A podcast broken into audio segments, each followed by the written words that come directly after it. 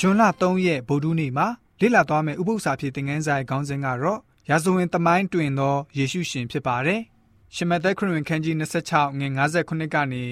ငွေ69အထိပြီးတော့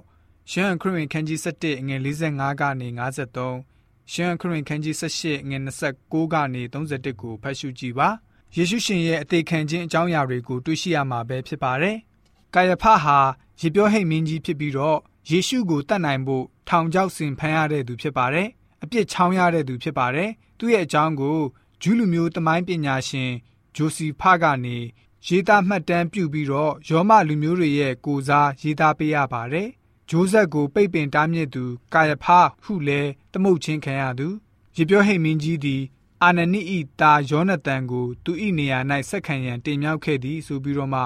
Joseph's Complete Works Book 18 chapter 4စာမျက်နှာ381မှာဖော်ပြခဲ့တာတွေ့ရပါတယ်။1990ခုနှစ်မှာယေရုရှလင်ရဲ့တောင်ဘက်မှာမိသားစုတင်းကြိုင်းတစ်ခုတူးဖော်မိရာကနေအယိုးအိုးပေါင်း12အိုးကိုတူးဖော်ရရှိပါတယ်။ဒင်္ဂါပြားတွေ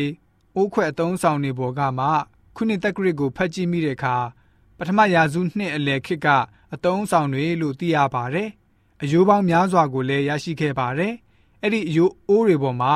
ဂျိုးဆက်ကာယဖရဲ့သားလို့ထူထားတဲ့စာကြောင်းလေးတွေ့ရှိရပါတယ်။ကျမ်းစာလေ့လာတဲ့သူတွေဟာအဲ့ဒီအယိုးအိုးတွေဟာ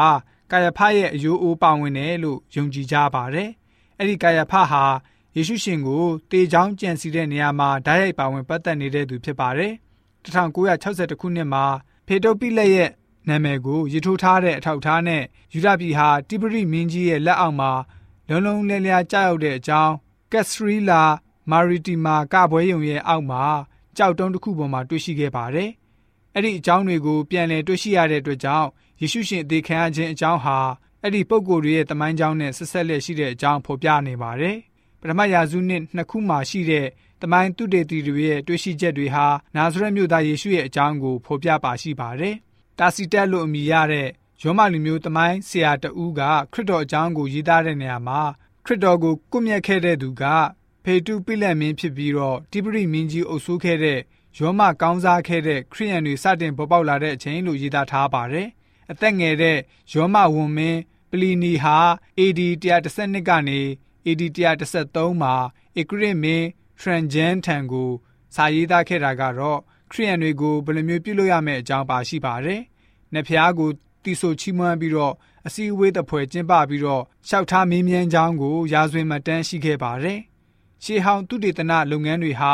ရာဇဝင်ရဲ့အရင်အမြစ်ကိုရှာဖွေတွေ့ရှိနိုင်တာမကဘူး။တမန်ကျမ်းစာကမဖော်ပြခဲ့တဲ့ယေရှုရှင်ရဲ့အကြောင်းတချို့တေလွန်သွားတဲ့တိုင်နှစ်90တိုင်သူတို့ကိုဆက်လက်ကိုးကွယ်သေးကြောင်းရေးသားချက်တွေရှိနေပါတယ်။ဧဝံဂေလိသတင်းစကားတွေမှာတော့မူရင်းမူလအကြောင်းအရာကတော့ယေရှုရှင်အကြောင်းပဲဖြစ်ပါတယ်။ကျွန်တော်တို့တေချာလေ့လာဖို့လိုအပ်ပါတယ်။ယေရှုရှင်ရဲ့ရာဇဝင်နဲ့အသက်တာအကြောင်းကိုသင်ယူဖို့တတိဝရိယနဲ့အမြဲရှိနေသင့်ပါတယ်။ ကျွန်တော်တို့ရဲ့ယုံကြည်ခြင်းကိုရှေးဟောင်းတုတေသနလုပ်ငန်းကအထောက်အကူပေးနေတော်လဲပဲအဲ့ဒီအရာတွေအပေါ်မှာမိခိုအားထားခြင်းမပြုဖို့ပြီးတော့သူတို့စီကတွက်ချက်ပေးတဲ့အချိန်ကာလတိုင်းကိုတထစ်ကြမယုံကြည်ဖို့အင်မတန်မှလိုအပ်ပါတယ်